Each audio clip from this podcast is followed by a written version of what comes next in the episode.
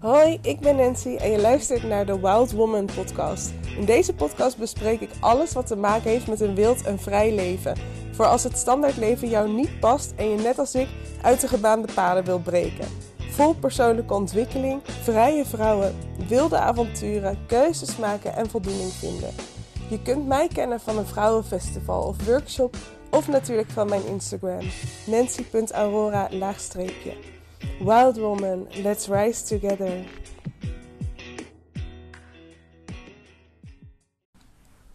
Je luistert naar een aparte rubriek van de Wild Woman podcast, waarin wilde vrouwen aan het woord komen en ik ze het hemd van het lijf vraag over hun pad. Vanaf het begin van hun wilde pad tot nu, over alle piekmomenten, belemmerende gedachten, reacties vanuit hun omgeving, groeispurten en nog veel meer. Heb je een vraag voor de wilde vrouw? Slide even in mijn DM op Instagram of Facebook. Ik zal telkens een link naar de accounts van de wilde vrouw en van mij in de omschrijving van de aflevering zetten. Let's go! Hallo en welkom bij weer een nieuwe aflevering van de Wild Women Talk. En vandaag heb ik Tess als gast in mijn uh, podcast. En uh, Tess is uh, ondernemer en ik heb haar leren kennen bij uh, een training van Siska, die vorige week in de podcast te gast was. En ik vind Tess een super inspirerende vrouw, dus ik ben heel benieuwd naar haar verhaal. En ja, zij is zo ondernemer en zij is ook business coach voor starters. Dus zij heet op Instagram ook de Starters Coach. wat is een super mooie naam. En um, zij leeft onder, uh, ja, locatie onafhankelijk onder andere. En zij, wat zij doet met mensen is dat ze een uh, bedrijf helpt te creëren wat past bij wie je echt bent en welk leven je wil leiden. Dus zij gaat echt op zoek naar je ware zelf en je grote zelf eigenlijk. En uh, nou, ik ben heel benieuwd naar Tess. Tess, welkom. Ja, dankjewel. Superleuk om hier te zijn. Ja, tof. Ja, en uh, we hebben elkaar al een tijdje eigenlijk niet face-to-face gesproken, zeg maar. We hebben uh, wel af en toe contact, hm. maar echt in gesprek uh, niet. En we kozen ervoor om meteen deze podcast op te gaan nemen. Ja, dus ja. dat wordt zeker leuk. En ja, ik val meteen met de deur in huis, want daar gaat mijn podcast over. Wanneer dacht je, wanneer begon die kriebel in je onderbuik? Hm. Met ik moet iets anders. Wanneer ben je, wat deed je hiervoor en wanneer begon dat bij jou? Oké, dan moet ik eventjes helemaal nadenken, want je kan heel ver teruggaan. Hè? Ja. even te denken wat dan een goed moment is. Um, ja, ik zal even een notendop vertellen wat ik hiervoor deed. Dat is misschien ook wel dan interessant. Ik, um, ik ben uh, uh, ongeveer zeven jaar ben ik in, heb ik in een bank gewerkt in België als adviseur, als adviseur voor uh, midden- en kleine, middengrote en kleine bedrijven. En uh, met de laatste twee jaar van die zeven jaar specifiek voor starters als bankier dus.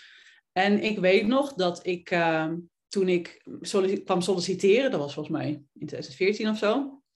Dat herinnerde ik me laatst pas, dat ik toen zei, ja, ik lijkt me wel leuk om dan uh, bedrijven voor ondernemers de adviseur te zijn. Want je begint zo nooit in de bank. Je moet altijd eerst leren hoe het werkt als een gewone adviseur.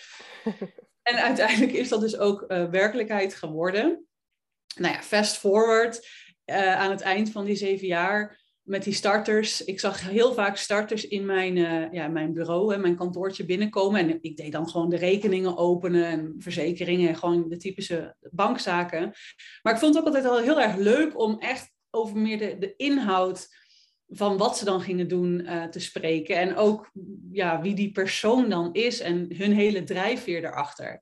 Dus ja, het werd, werden eigenlijk in de bank al een beetje coachingsgesprekken. En ik zag daar ook heel vaak dat de, de starters die dan... Ja, als je, een rekening komt openen, dan heb je al wel een idee wat je gaat doen. Want anders zou je niet een rekening ko komen openen. Dus ze stonden al iets verder in het proces van waar ik mensen nu nog mee help. Want dat is echt zelfs nog daarvoor. Maar dan nog zag ik heel vaak dat ze best wel ja, bang waren en, en angst hadden. En vaak ook dachten van ja, hoe moet dan alles? En dan natuurlijk het praktische. Daar maak, maken veel starters zich zorgen over. Van oh, hoe moet ik dan geld verdienen? Maar ook wat moet ik dan allemaal regelen?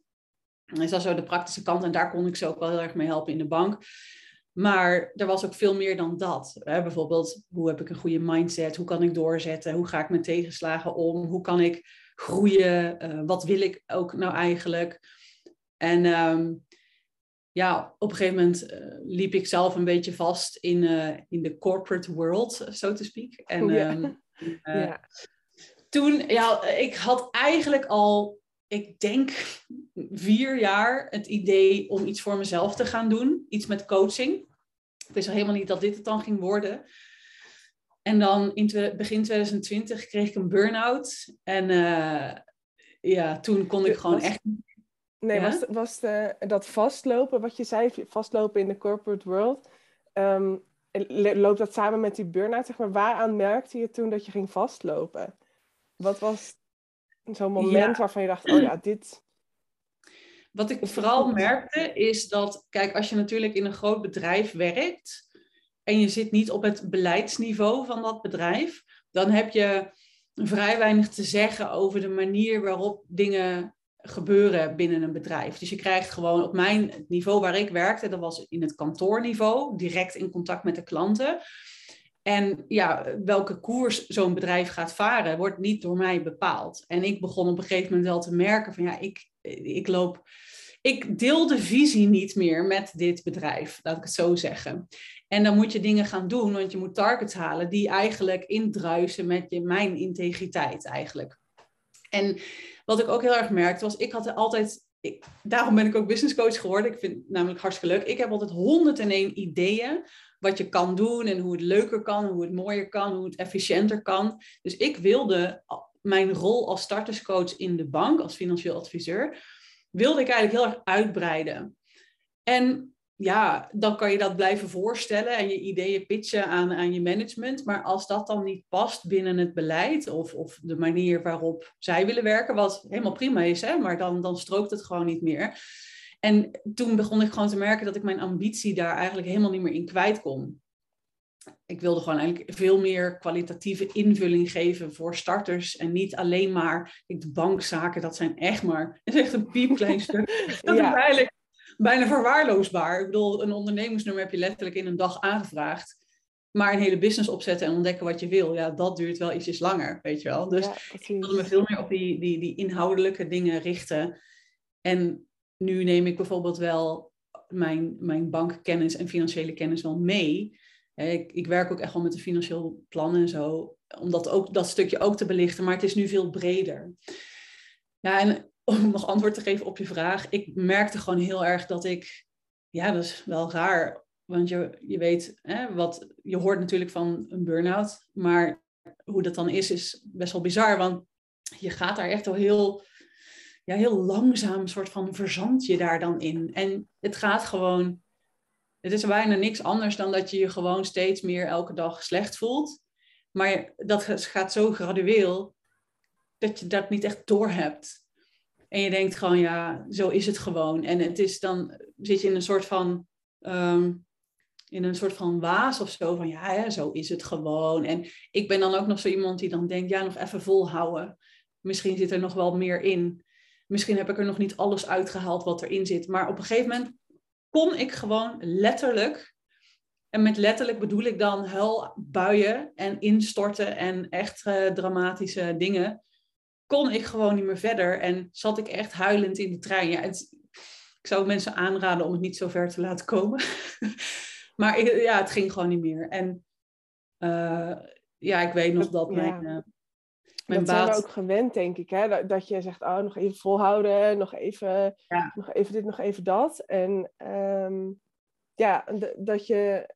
Ja, dit, dit krijg je wel aangeleerd, ook als kind, zeg maar. Dus, dus dat zie ik ook natuurlijk wel op uh, scholen. En om daar uit te stappen, eigenlijk is dat natuurlijk helemaal niet fijn meer als volwassene. Moet je dat kunnen loslaten en kijken van oké, tot hier gaat het niet meer. Ja, maar het is heel moeilijk, want ik geloof ook dat mensen, dat anderen, hè, je hebt mensen die te lang doorgaan, en, maar je hebt ook mensen die te snel stoppen. En ik geloof nog steeds dat je ook soms ergens doorheen moet gaan om iets heel moois te bereiken aan de andere kant. En als je dan op zou geven, te snel, dat je dat dan niet gaat, dan, dan ga je niet zien waar je eigenlijk gekomen zou zijn als je niet had opgegeven. En, maar als je midden in dat moment zit, is het natuurlijk heel moeilijk om te weten van ja, ben ik nou te snel aan het opgeven of te lang aan het doorgaan. Ja, En, en dat is vaak, net zoals met, soms heb je dat met relaties, hè, als je dan terugkijkt, denk je, oh ja, ik had het eigenlijk al een jaar geleden kunnen stoppen. Maar ja, vaak kan je dat alleen maar achteraf zien. Tenzij je natuurlijk iemand naast je hebt staan die daar iets meer objectief vanaf een afstand naar kan kijken. Maar, ja. ja. en ik zit ook te denken, zou het verschil natuurlijk ook, heeft denk, denk ik ook wat te maken met of het echt iets is waar je heel veel om geeft. Of omdat je bijvoorbeeld in jouw um, bedrijfsfunctie voelde je je heel erg beperkt. En daardoor heen gaan zou niet leiden tot dat hele mooie uitzicht, zeg maar. Ja, maar ik denk dat het bij mij, waarom ik zo lang heb volgehouden, was. Ik ging daar werken. Ik heb communicatiewetenschappen gestudeerd uh, in Antwerpen. En ik dacht, ik was gewoon afgestudeerd. Ik dacht, oh ja, nu moet ik dan dus een baan hebben, hè, want mijn studiefinanciering. Ja. en ja, het was gewoon een van de eerste dingen die ik tegenkwam. was een commercieel adviseur. Dat was dan nog niet met die ondernemingen. Ik dacht, ja, kan ik dat, dan zal ik dat wel doen voor een jaartje. En dan zal ik ondertussen wel iets anders zoeken. Maar ja, voordat je het weet, blijkbaar, werk je daar dan dus zeven jaar. Dus op een gegeven moment, ja, je, je, het heeft ook heel erg met veiligheid te maken voor mij. Ik was zo bang om, om dingen los te laten en voor mijn gevoel helemaal in het diepe te springen. En ja, het was een typisch voorbeeld van wat je dan de gouden kooi kan noemen, want ik had gewoon een loon, ik had best wel veel vrijheid binnen mijn functie. Ik kon best wel, ik moest natuurlijk mijn targets halen die dan werden opgelegd wel, maar ik, ik kon best wel even naar buiten gaan bijvoorbeeld, als ik even naar buiten wilde. En, en dan, ja, ik, ik kon best wel vrij zijn. Ik had een auto, ik had verzekeringen, ik had pensioen, ik had vakantiegeld. Uh, ik, ik, ik had, mijn hele leven werd eigenlijk een soort van provided uh, door de bank. En uh, om dat dan in één keer los te laten, dat was vrij eng, vond ik. Want het was ook mijn eerste baan, dus ik, ik wist ook helemaal niet van, ja, maar hoe dan? Weet je wel? Maar tegelijkertijd was het wel grappig, want in die functie zag ik natuurlijk allemaal starters die wel die keuze maar ook maakten. Dus ik werd eigenlijk ook geïnspireerd door mijn eigen klanten. En dacht ik, wauw, die mensen die, die doen het allemaal maar gewoon. En ja, en wat ik ook nog weet was dat ik heel vaak dacht van, oh ja, als ik het zou doen, dan zou ik het zo en zo en zo doen. Oh ja, wat grappig. En ben je het zo ook gaan doen? Uh, ja, ik denk dat er wel heel veel in terug is gekomen. Eh, bijvoorbeeld bepaalde kwaliteitsniveau. Ik vind het heel belangrijk dat dingen er echt heel mooi uitzien. En ik ben daar wel nou ja, perfectionistisch wil ik het nu niet meer noemen, maar ik heb gewoon een bepaalde standaard waarvan ik vind, die ik belangrijk vind. Ja, ja voor, wie, uh, voor wie Tess niet kent, als je luistert en je te, kent Tess niet, Tess heeft de meest fantastische beelden, onder andere uit IJsland. Dus ga zeker eventjes uh, op haar account kijken, want uh, dit wat ze nu vertelt over hoe dingen eruit zien, dat zie je echt. En dat, nou, daar, het is gewoon alleen maar genieten daarvan. En dan ook nog inhoud erbij. Dus je gaat zeker daar even naar kijken. Sorry, ik ga verder. ik weet niet meer waar je was, maar... oh ja, ja, dat ik aan het zeggen was, en het is misschien, lijkt misschien een beetje arrogant, maar toen ik dus zelf helemaal uh, een beetje zat te verpieteren in mijn, in mijn loondienstbaan, dacht ik zelfs wel eens van, oh, hè, zag ik andere ondernemers die het in mijn ogen, dat ik dacht van, ja, dat zou ik wel beter kunnen. Maar toen dacht ik, ja, wat is dit nou voor ego-gedoe? Want je doet het toch niet? Dus je kan wel heel tijd zeggen dat je het zelf beter zou kunnen, maar doe het dan ook maar eens. Weet je wel? En op een gegeven moment werd ik een beetje moe van mijn eigen gedachten van ja, misschien ooit en oh. En dan dacht ik, nou doe het dan maar gewoon. En, en ga je niet blijven, uh, hoe zeg je dat, verstoppen achter een hypothetische wereld waarin je het misschien wel zou kunnen, maar toch doe je het niet. What's that about, weet je wel? Ja, dus, ehm, inderdaad. Ja, en dat is nu ook waar jij um, je masterclass die eraan komt en uh, de cursus die eraan komt uh, over gaan, volgens mij. Uh, over dit stuk. En dat komt omdat je denk ik zelf ook helemaal doorleefd hebt. dat hele mindset stuk en ervoor gaan en al die twijfels en zo. En dat, dat wilde je graag delen, denk ik, met anderen. Om anderen ja ik, ik ben zelf, of ik was, ik ben blij dat ik nu was kan zeggen eigenlijk, maar ik was ook een heel erge, ja, bijna zwart-wit denker. En als je iets wil, iets nieuws wil, bijvoorbeeld een onderneming oprichten, maar het kan net zo goed iets anders zijn, hè, maar als je iets wil, dan heb je dat nog niet bereikt. Want dat is waarom je het wil. Dus dan heb je ook nog geen real-life um, bewijzen, zeg maar, die jou um, geruststellen, waarin je kan letterlijk kan zien dat het werkt. Want je moet het eerst nog gaan doen. En het bewijs, zeg maar, of het werkt of niet, komt dan daarna. En jouw onderbewuste, of je ego, of je innerlijke criticus, of hoe je hem ook wilt noemen, die gaat dan met allerlei argumenten komen. Waarom het misschien toch maar beter is om het niet te doen of om het nog uit te stellen. En jouw onderbewuste is zo ontzettend slim dat hij met argumenten komt aan, dat hij argumenten komt aandragen die heel erg logisch lijken. Heel erg ehm, ja, de waarheid van ja, natuurlijk, hè, dat is geen onzin, dat is een, een goed argument.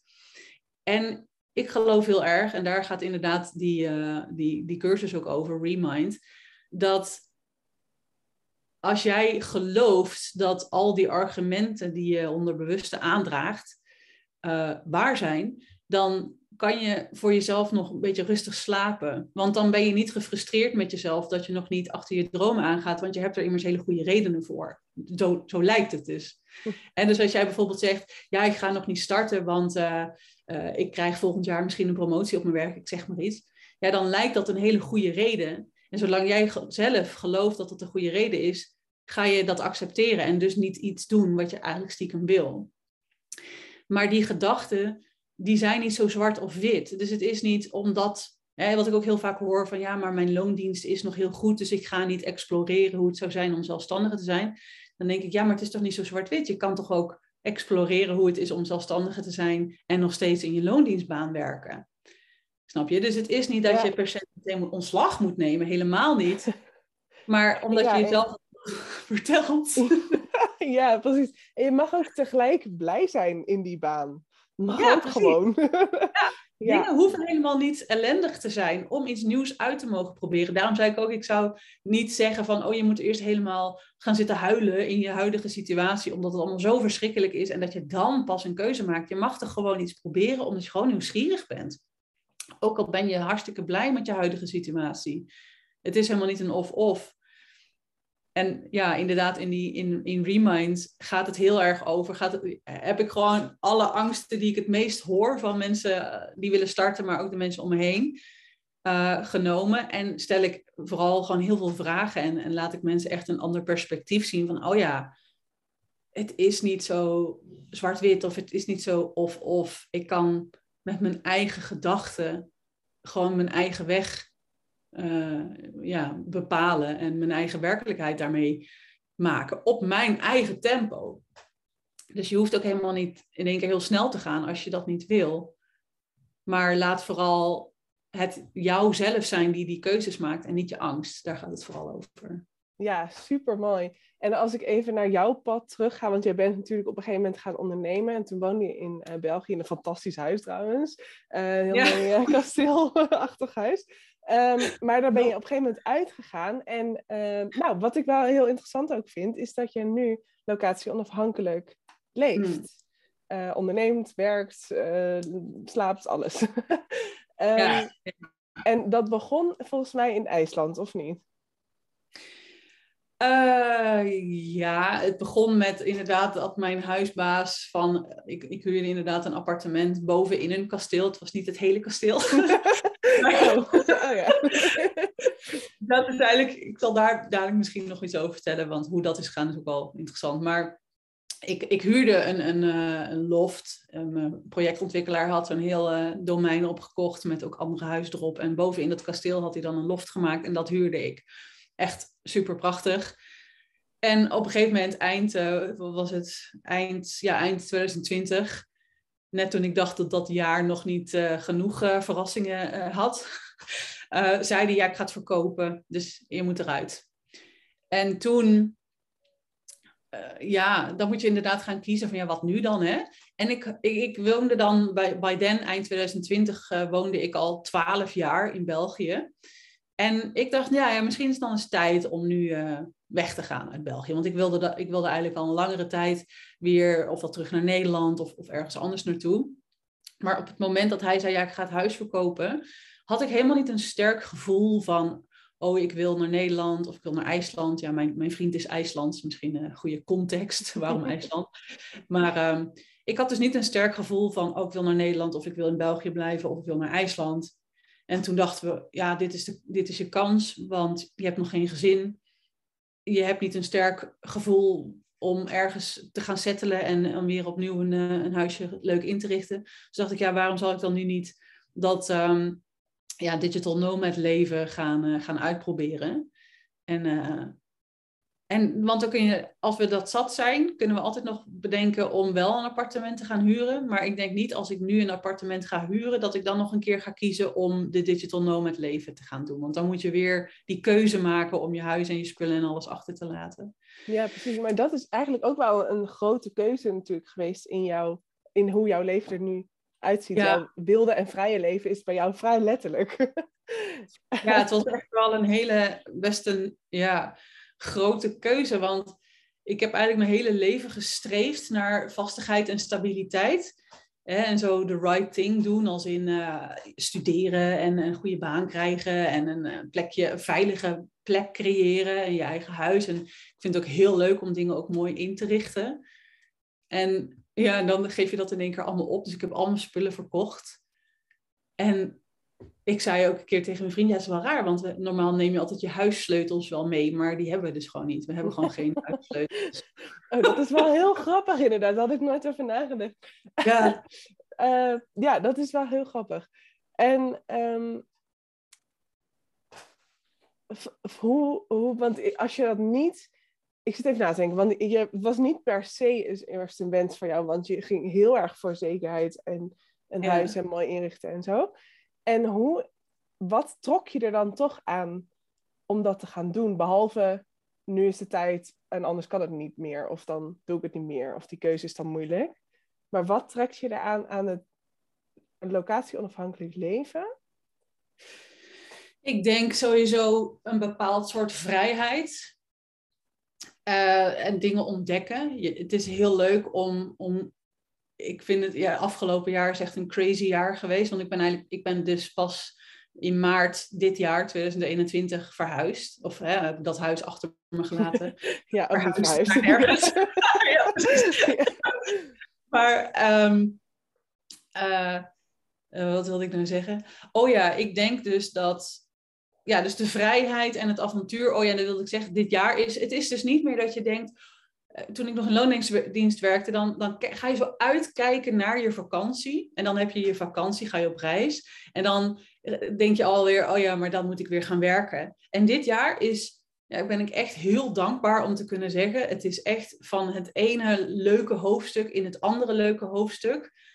Met mega veel uh, uitdagingen. Begrijp me niet verkeerd. Ik zit echt wel soms helemaal een beetje in halve paniek van mijn vastigheid is weg. Maar tegelijkertijd is het wel ook heel erg van wauw, nu ben ik gewoon zes weken in Spanje. Dan ga ik weer zes weken naar Nederland. Dan daarna ben ik weer een half jaar in IJsland. En ik weet gewoon, als ik in IJsland bedenk, ik wil nu graag, weet ik veel, nog een keer naar Nederland of ergens anders heen, dan, dan kan dat dus gewoon. En dat is wel een bepaalde vrijheid en avontuur. En meer um, ja, innerlijk of psychologisch gezien denk ik dat, het, dat ik op een gegeven moment ook wel dacht, ik ben heel benieuwd hoe je die vastigheid en die stabiliteit in jezelf kan vinden. Want mijn, ik, ben heel, ik ben heel erg opgegroeid met heel veel chaos. En heel, heel veel, veel verhuisd, uh, scheidingen, uh, heel veel chaos. En ik denk dat dat een beetje de reden is waarom ik altijd naar die stabiliteit op zoek ben gegaan. Een soort van uh, desperate need om, om vastigheid te voelen. Dat staat, stond in ieder geval heel erg voor veiligheid. Maar op een gegeven moment heb je dat dan bereikt. Ja, in, in mijn geval vond ik wel dat ik het had bereikt. En dan denk ik, ja, maar ik heb nu, en nu dan? Want ik heb nog een heel leven voor me. En ik voel dat er ook heel veel andere dingen aan zitten te komen. En uh, ik dacht, ja, wat als ik die, die stabiliteit en die kern eigenlijk in mezelf kan vinden, no matter waar ik ben ongeacht van waar ik ben. En dat vind ik een hele mooie challenge. En ik denk dat dat een. Ik, ik wil heel graag die skill helemaal leren om echt te voelen van. Het maakt niet uit als heel de wereld chaos lijkt. Op elke manier. Ik weet gewoon dat ik met mezelf hier ben. En dat is wel echt wat zo'n digital nomad leven je, je leer, heel snel leert. Ja, want heel snel. Alle, ja, want alle vastigheid is gewoon weg. En, en ik vind het ook heel mooi om er dan achter te komen van wauw, je gaat je dan dus ook niet meer daarmee identificeren. En dus het is heel erg een soort van een cleansing proces bijna van ja, wat blijft er dan nog over? Want je, je identificeert je als iemand met dat huis, iemand met die baan, iemand in, hè, ik ben iemand in die stad, in dat land. En dat is dan in één keer niet meer echt je ding. Dus ja, ja, ik vind dat, dat je heel erg op jezelf geworpen wordt. En je komt er heel erg achter, ja, wie ben ik nou zonder al, al het andere? En dat is ook wel een grote reden waarom ik het nog steeds doe. Want ik heb, ik zal eerlijk zijn, ik denk best wel vaak, oh nee, ik wil gewoon een appartement huren. ik ben zat. Ja, want ik zie je nu ook in een kamer zitten. Dus hoe zit dat? ja, nu zit ik uh, in een appartement in, uh, in Spanje. Bij Malaga in de buurt, een uur van Malaga rijden. Want wij hebben vrienden die zijn verhuisd naar uh, Spanje. En dat kan je dan dus ook doen, hè? Van, nou ja, we gaan die vrienden dan eens opzoeken. En dan gaan we niet een weekje, maar zes weken. En dan uh, ga ik gewoon werken. En uh, dan gaan we, huren we een auto en dan zoeken we af en toe die vrienden op. Ja, precies. Dan hoef je niet alles in die week te proppen, zeg maar ook. Nee. Dan ja, ja, loop je gewoon even mee op hun pad eigenlijk. Ja, precies. En je ontdekt gewoon weer een ander stuk. Ik vind het ook altijd heel interessant om in één keer in een andere wereld te belanden. En dan zie ik altijd de mensen rondlopen in zo'n stad bijvoorbeeld. En eh, die gaan dan naar hun werk. En dan denk ik, ah ja, jij loopt hier echt elke dag. Dus je, in één keer zit je in zo'n andere... Uh, het dagelijks leven van een hele groep andere mensen.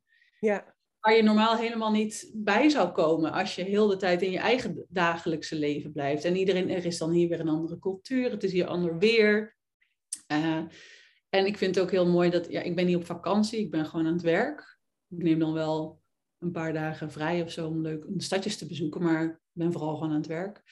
En uh, ja. Ja, Mooi. Ja, dat is wel heel interessant, omdat uh, zeker ook... Heb je ook uh, gemerkt dat het klimaat gewoon heel anders is? En, de, en hoe gaat dat, zeg maar? Je, je belandt van IJsland opeens een in Spanje. Ja, ja. Dat is echt super bizar wel, want in, in IJsland... Ik was in IJsland augustus, september, oktober, ja. En in, in, uh, in juli was ik dan in Nederland. En in juni was ik ook hier, ook bij die vrienden in, bij Malaga in de buurt. En dus ik ging van snikheet uh, in juni van Spanje naar Nederland. Nou, en dan was het ook best wel warm in Nederland in juli. En dan ging ik in augustus naar IJsland. En daar was het dan weer in één keer 24 uh, daylight hè, in, in de zomer, maar wel een stuk kouder. En toen heb ik um, in oktober allemaal video's gemaakt voor mijn nieuwe cursus. Dan was het 5 graden, hartstikke koud. en uh, en dan is het hier in één keer weer 20 graden. Dus ik heb nu ook de hele tijd het gevoel dat het, dat het augustus is. En oh, ik zei vanochtend nog tegen mijn vriend van over twee weken... Nee, ja, over twee weken is het kerst. ja. Terwijl ik gisteren nog in de zee lag. Oké, de zee is wel koud, maar het is, ja, het is hier echt ja, mooi weer. Dus ook dat is zo, ik, dat doet ook iets met je mindset of zo. Van, oh ja, dingen, zelfs dat staat dan dus niet vast. Nee. En je kan eenmaal zo in, bijvoorbeeld in IJsland is het nu best wel lang donker en hartstikke koud. Als in min 10 of zo. En uh, dan kan je daar, als je daar dus in zit, in dat dagelijks leven, dan voelt het heel erg van, oeh, het is koud en uh, donker. Maar nu kan je letterlijk ervaren, ja, gewoon drie uurtjes vliegen, is het gewoon half zomer. Ja, ja. Dat vind ik dus een soort van, dat doet echt iets met je mindset ja, het zet het soort van open. Ik kan het niet zo goed uitleggen, denk ik. Maar, ja, ik, ik denk, ik, ja, want ik um, leef zelf heel erg met de seizoenen. Dus um, je, misschien ken je het wel, de Keltische achtjaarfeesten. Dus dat is uh, op het wisselpunt van een uh, seizoen en op het hoogtepunt van een seizoen is een jaarfeest en dat maakt er 18 jaar. En um, die hangen heel erg samen met hoe het land er op dat moment uitziet en het weer op dat moment is. Uh, bijvoorbeeld een een oogstfeest of een. Um, nou, we gaan natuurlijk naar uh, de donkere dagen, dus uh, naar binnenkeren. En als je dan op dat moment eigenlijk jouw seizoen een beetje door de war gooit, kan ik me heel goed voorstellen dat dat um, ja, iets anders losmaakt ook in je leven. Dus dat je nu bijvoorbeeld meer in een um, ja, shine-periode zit, omdat er meer zonlicht is. Ja. Uh, ja, voor jou. Ja, ik merk vooral de, de warmte, dat dat doet inderdaad wel echt iets met je. Vooral als je dan uit IJsland komt, dan is het, oh ja, zo voelt de zon op je gezicht. Weet je wel, dus dat vind ik wel heel erg fijn. En verder, mm, ik denk niet dat de, het licht of de, de warmte een hele grote invloed op me heeft, omdat je in IJsland ook wel, het is daar vaak kouder. Het is echt niet de Noordpool, maar je hebt daar allemaal van dat uh, geothermal heat, hè, zo die natuurlijke hitte, omdat het gewoon een vulkanisch eiland is. Dus al het water is daar gewoon natuurlijk verwarmd en je hebt en kost dus daardoor helemaal niks. Dus je hebt daar, dat is echt de cultuur in IJsland, uh, allemaal van die uh, zwembaden. Maar dat is dus niet per se om baantjes te trekken, maar dat zijn allemaal buitenzwembaden, welk seizoen het ook is. Met altijd van die ja, hot, hot tubs, um, waar je dan in kan zitten. En dat is ook echt de cultuur. Dus net zoals dat je in Nederland misschien op, naar een café of zo zou gaan, gaan die mensen dan naar het zwembad om ook met elkaar te kletsen en zo. Dus dat zorgt juist ook wel weer voor die warmte, dat je lekker in die zwembaden kan gaan zitten. En dat geeft mij dan dus ook heel veel energie. Ja, oh ja, dat kan ik me wel voorstellen. En dat mooi om te horen hoe dat dan, ja, hoe zij weer een soort zomer in hun cultuur breien op een andere manier, zeg maar. Dan kijk ik heel erg vanuit uh, Nederlands oogpunt. Ehm, want voor hen is dat gewoon super normaal. Ja, ja, maar in de zomer in IJsland is het ook wel gewoon 20 graden hoor. Dus, en heb je dus 24 uur per dag licht. Dus dat is dan de zomer. Maar als het nu bijvoorbeeld winter is, ja, dan zitten mensen gewoon lekker als van die aapjes. Ja, heb je wel zo van die foto's van, van die aapjes die dan in zo'n hotspring zitten en dan sneeuwt het, maar dan zit je wel in 40 graden warm water. Heerlijk. ja. ja. Ja, tof. Um, wat zijn nu je grote wilde dromen? Nou ja, daar heb ik wel grappig meteen antwoord op, want dat is eigenlijk al een droom die jij kent. Maar ik denk dat die volgend jaar wel uh, werkelijkheid gaat worden. Want ik wil heel graag een reis organiseren naar IJsland. Voor, voor ondernemers. Niet eens per se startende ondernemers, maar gewoon ondernemers om daar helemaal je onder te dompelen in dus die natuur. En daar helemaal ja, te herbronnen, echt letterlijk. En daar ook helemaal tot je kern te komen. En ja, je kan IJsland kan je niet uitleggen aan mensen. Je moet het echt wel ervaren. En ik, uh, ja, het is gewoon zo prachtig. Ik wil gewoon echt graag mensen meenemen. En uh, ja, dus zo'n reis organiseren voor een groep mensen. En dan met een, uh, met een, een, zo'n klein jeepje, zo'n bijvoorbeeld Suzuki Jimny autootje met een rooftop tent. En dan iedereen krijgt zijn eigen auto. En dan rijden we in zo'n konvooi allemaal achter elkaar aan. En je moet dan door rivieren rijden en zo. Hè? Je moet echt door het water heen. En dat koppel ik dan ook allemaal aan mindset. Want als je daar rijdt, dan denk je, waar is de weg? Waar is de weg? En dan soms is de rivier de weg en soms zie je het gewoon niet. En ik vind dat zo metaforisch voor het leven en al helemaal het ondernemerschap. Je denkt, waar is de weg? Waar is de weg? Ja, soms zie je de weg niet. Maar je kan ook niet gaan stilstaan, weet je wel. Je moet er wel doorheen rijden. En het is eigenlijk ook gewoon hartstikke prachtig. Juist omdat er geen weg is. Dus met die symboliek en dan het land IJsland en dan ondernemers en dan ook nog eens in een groep. Ja, dat lijkt me echt super prachtig. Ja, fantastisch. Ik zit ook ontzettend te glimlachen terwijl je dat vertelt. ja, een enorme glimlach op mijn gezicht. Um, ja. ja, inderdaad, dat lijkt me fantastisch. En ik denk uit ja, een beetje spiritueel oogpunt dat dat zei ik al een keer tegen jou, dat IJsland, ja, je smoesjes, daar kun je niet mee aankomen. Het is te rauw, het is te ja, wild, het is te... Ja. Ehm, ja. Dus je moet naar je kern. En, en dat is denk ik ook uh, de kracht van zo'n retreat organiseren, uh, onder andere. En zeker als je daar dus dagen achter elkaar in zit. Ja, het is echt precies wat jij zegt. Je moet eigenlijk ook gewoon meegaan. Ik weet zeker dat je het echt geweldig zal vinden. Want als ik daar dus rondrijd, dan denk ik ook wel eens van, wat vind ik hier nou zo mooi aan? En het komt volgens mij, IJsland is het letterlijk het jongste stuk land van de, van de wereld. En je ziet daar letterlijk hè, lava dat dan zo stroomt als een soort van pudding. En dan die, die rimpels, die drogen dan op en dat zie je dus echt nog. En er is dus recentelijk nog een, een, een vulkaan ook uitgebarsten, waar ik gewoon letterlijke lava uit de grond zie spuiten. En het brengt gewoon zo, en er is zo weinig, het is een beetje eh, de landsversie van uh, het digital nomad leven, er is gewoon zo weinig ja, onnodige extra. Je wordt zo teruggeworpen op ook de kern qua, qua landschap je kan je ook letterlijk niet verstoppen, want er zijn bijna geen bomen. Dus en de wind waait daar zo hard, het waait helemaal door je, door je heen. En voor mij voelt het echt dat je gewoon helemaal gestript wordt van alles wat er niet nodig is. En alleen maar jij in je kern en je essentie blijft gewoon over. En dat is zo ontzettend inspirerend. Dat ik echt heel graag wil, wil gaan delen. Want het is echt daar zijn is al gewoon een psychologische sessie, zeg maar. Dus, ja, uh, precies. Ja, ik kan me voorstellen dat je denkt, oh, ik heb me nog nooit zo alive gevoeld. Zeg maar dat je die sensatie daar heel erg hebt. Ja, en ik denk dat het um, ja, super mooi is om uh, in een nieuwe identiteit te stappen ook uh, op zo'n plek. En zeker mm -hmm. voor ondernemers om naar next level te gaan. Dus ja, super tof. Daar gaan we zeker nog meer van horen.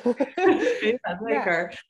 Ja. Um, heb jij nog een laatste vraag hoor? Want uh, we hebben het heel erg over, over jou, hoe jij uh, je pad hebt gecreëerd uh, gehad. Heb jij van je omgeving um, daar reacties op gehad, op, op wat jij doet? En dan bedoel ik, ja, vooral, dat hoor je misschien wel aan de vraag, vooral mensen die zeggen, oh, dat moet je niet doen. Of, oh jeetje, wat ga je nou toch doen? Of, um, ja, terughoudende reacties, zeg maar. Mm, ik denk dat. Uh, dat nee, laat ik beginnen. Ik heb sowieso best wel een selectieve groep mensen omheen. Als in. Voor, zelfs voordat ik deze keuzes heb gemaakt, heb ik, uh, ja, hoe moet ik het zeggen? Veel van mijn vorige vrienden bijvoorbeeld, die zijn uh, ja, een beetje verdwenen dus eh, zo, zodra jij zelf gaat veranderen, of aan het veranderen bent, en je stapt ook in een nieuwe identiteit, of je hebt een nieuwe bepaalde mindset, dan ga je misschien ook merken dat je in één keer niet meer zoveel gemeen hebt met mensen om je heen. Dat kan, dat hoeft helemaal niet zo te zijn. Dat is trouwens ook een angst die ik ook echt aanraak in uh, die Remind cursus. Want dat is natuurlijk echt ook iets om best wel bang voor te zijn. En ik had ook uh, niet heel veel. Ik heb gewoon niet heel veel vrienden. Dat klinkt misschien een beetje zielig, maar ik heb gewoon een, een, echt een heel select groepje om me heen. Waarvan ik bijna zou zeggen dat ik ze echt heb uitgekozen om om me heen te hebben. En dat zijn echt mensen met een hele fijne, positieve mindset. Uh, die op dit moment in mijn leven heel erg, waar, waar ik heel erg mee kan alignen, zeg maar.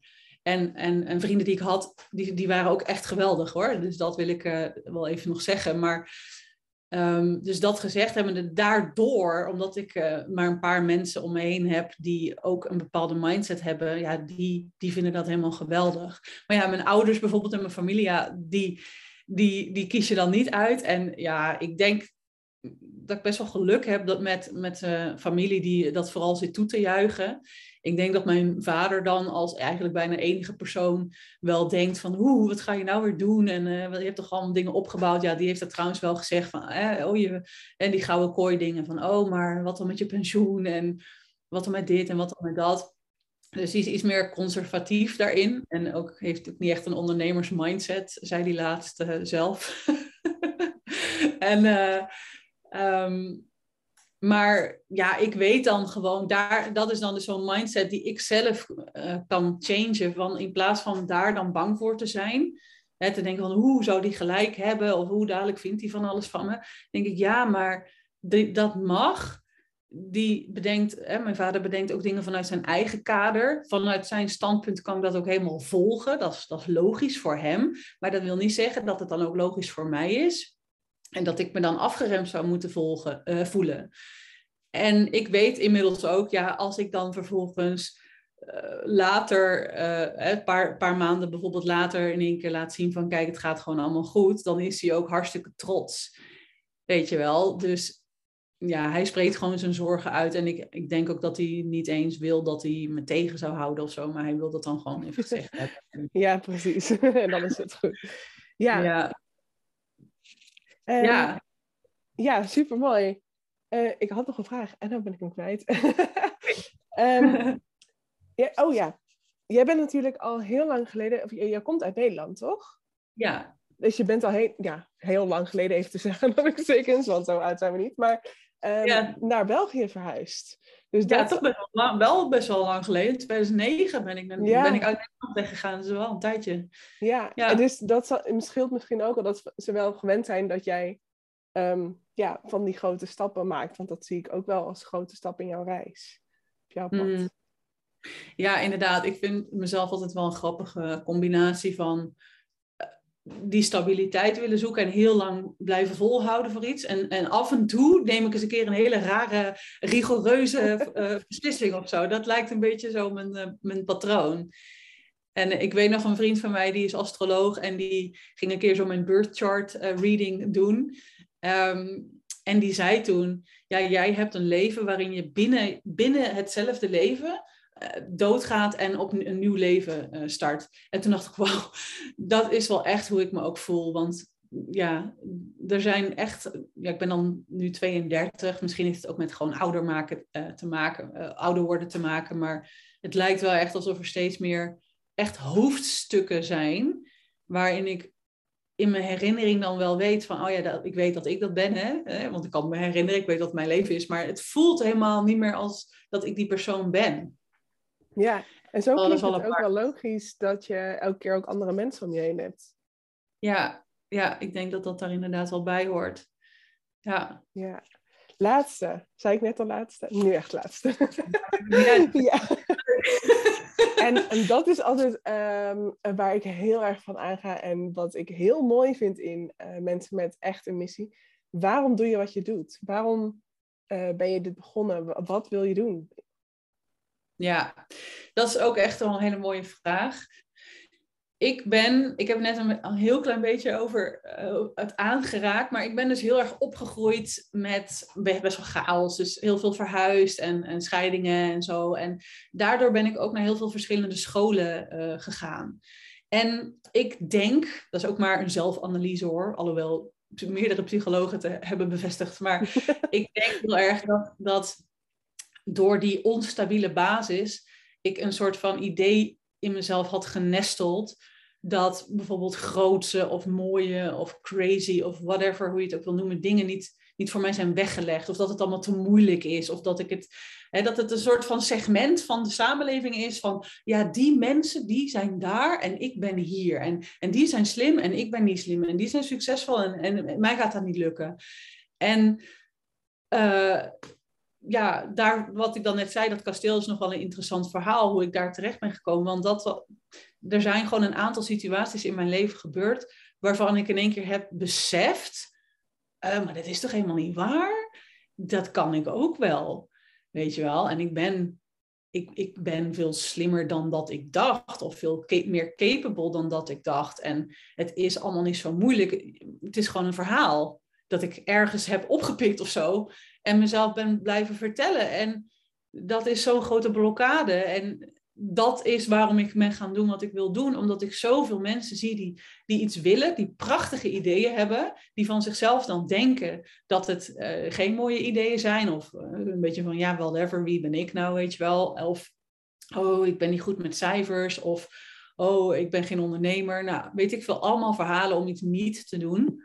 En daarom heb ik de starterscoach opgericht om echt je eigenlijk al een soort van te onderscheppen voordat je je ondernemingsnummer hebt aangevraagd. En helemaal te ontdekken van ja, maar wie ben je nou eigenlijk? En waarschijnlijk 90% of 99% zeker heb jij al nu al hartstikke veel mooie skills die jij ook nu al echt kan inzetten. En je moet daar niet nog honderdduizenden eh, inhoudelijke opleidingen voor volgen of nog langer op wachten. Je kan gewoon nu beginnen en het is wel ook voor jou weggelegd. En mooie dingen zijn er ook voor jou en succes is er ook voor jou. En nee, het gaat niet altijd makkelijk zijn, maar het is er wel voor je weggelegd. Hè, dus ik vind heel erg, ik vind gewoon zonde om ongebruikt potentieel te laten liggen in mensen. Dat, dat is eigenlijk de korte versie van, uh, van het antwoord. Ik wil gewoon echt laten merken van kijk, ook jij, je bent niet alleen met je angsten. En uh, je kan veel meer dan dat je zelf uh, denkt. En ik word daar echt enthousiast van. Want dan denk ik, wat gaat hier allemaal uitkomen uit die mensen? ja, precies. Ja, zo mooi. En dit zie ik ook in jou inderdaad. We hadden het van de week over, uh, over de starterscoach inderdaad. Maar je bent uh, in de breedste zin van het woord de starterscoach. Alle facetten uh, raak je aan. En um, dat bewijst die cursus Remind wel, denk ik. Ja. Wanneer ja. gaat die beginnen? Ik geef morgenavond, dat is dan 8 december, 2021. Ik weet niet wanneer je dit aan het luisteren bent, maar eh, waarschijnlijk is het dan voorbij. Maar morgen geef ik een, uh, een masterclass. En dan uh, krijgen de mensen die aan de masterclass hebben meegedaan, die, die kunnen dan kiezen om uh, de cursus te kopen. En dan daarna, wat is dat dan, volgende week ga ik hem nog lanceren op Instagram. En daarna staat hij gewoon online. Kan je hem gewoon altijd kopen via de website. Ja, dus het is een, uh, een uh, ja, je hebt allemaal prachtige beelden daarvoor opgenomen. Maar het, het, is dus een cursus die je op je eigen tijd kan doen. Ja, het is dus ook eigenlijk, vind ik, cursus het, niet echt het juiste woord. Maar, maar ik weet gewoon niet hoe ik het anders moet noemen. maar het is dus niet een cursus die je doorloopt van uh, A tot Z en dan is hij klaar. Het, zijn, het is echt bedoeld om als houvast naast wat je allemaal aan het doen bent. Dus er worden verschillende angsten in besproken, er worden verschillende vragen gesteld en perspectieven gegeven om daar dus niet zo zwart-wit of zo naar te kijken. En er zitten hele mooie uh, meditatieoefeningen met dus ook beelden van IJsland uh, in.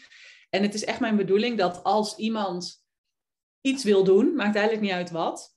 Stel je bent bezig met uh, iets voor je onderneming of zo, of met je plannen, en je merkt gewoon, oeh, ik word nu tegengehouden door de angst voor het oordeel van mijn familie of zo, van de mensen om me heen, dan kan jij denken, oh, maar ik heb Remind, dus ik ga even die, die, die, dat filmpje kijken, die video kijken die daarover gaat en die oefening doen. Dus het is echt een soort van, het zijn ankerpunten waarnaar je kan grijpen terwijl je bezig bent met, ja, whatever het is dat je, aan het, uh, dat je wil neerzetten. Wauw, supermooi. Ik ben heel benieuwd. Ja. Goed, ik wil je heel erg bedanken voor dit supermooie gesprek. En uh, ik ga hem heel snel online zetten. Superleuk. Um, Dankjewel. En zoals altijd uh, ga ik de informatie over Tess, uh, de starterscoach en mij even in de omschrijving van de aflevering zetten, zodat je ons kunt vinden op social media. En ik denk als mensen vragen hebben of iets willen vertellen, dat jij daar dan heel ontvankelijk voor bent. Zeker. en ik ook natuurlijk. Dus uh, ja, laat, laat ons weten wat je, wat je raakte en wat je daaraan hebt gehad en wat je wil delen. En en meer. Um, ik wens je een hele fijne dag en uh, tot de volgende keer. Dankjewel. Dankjewel. Doei. Doei.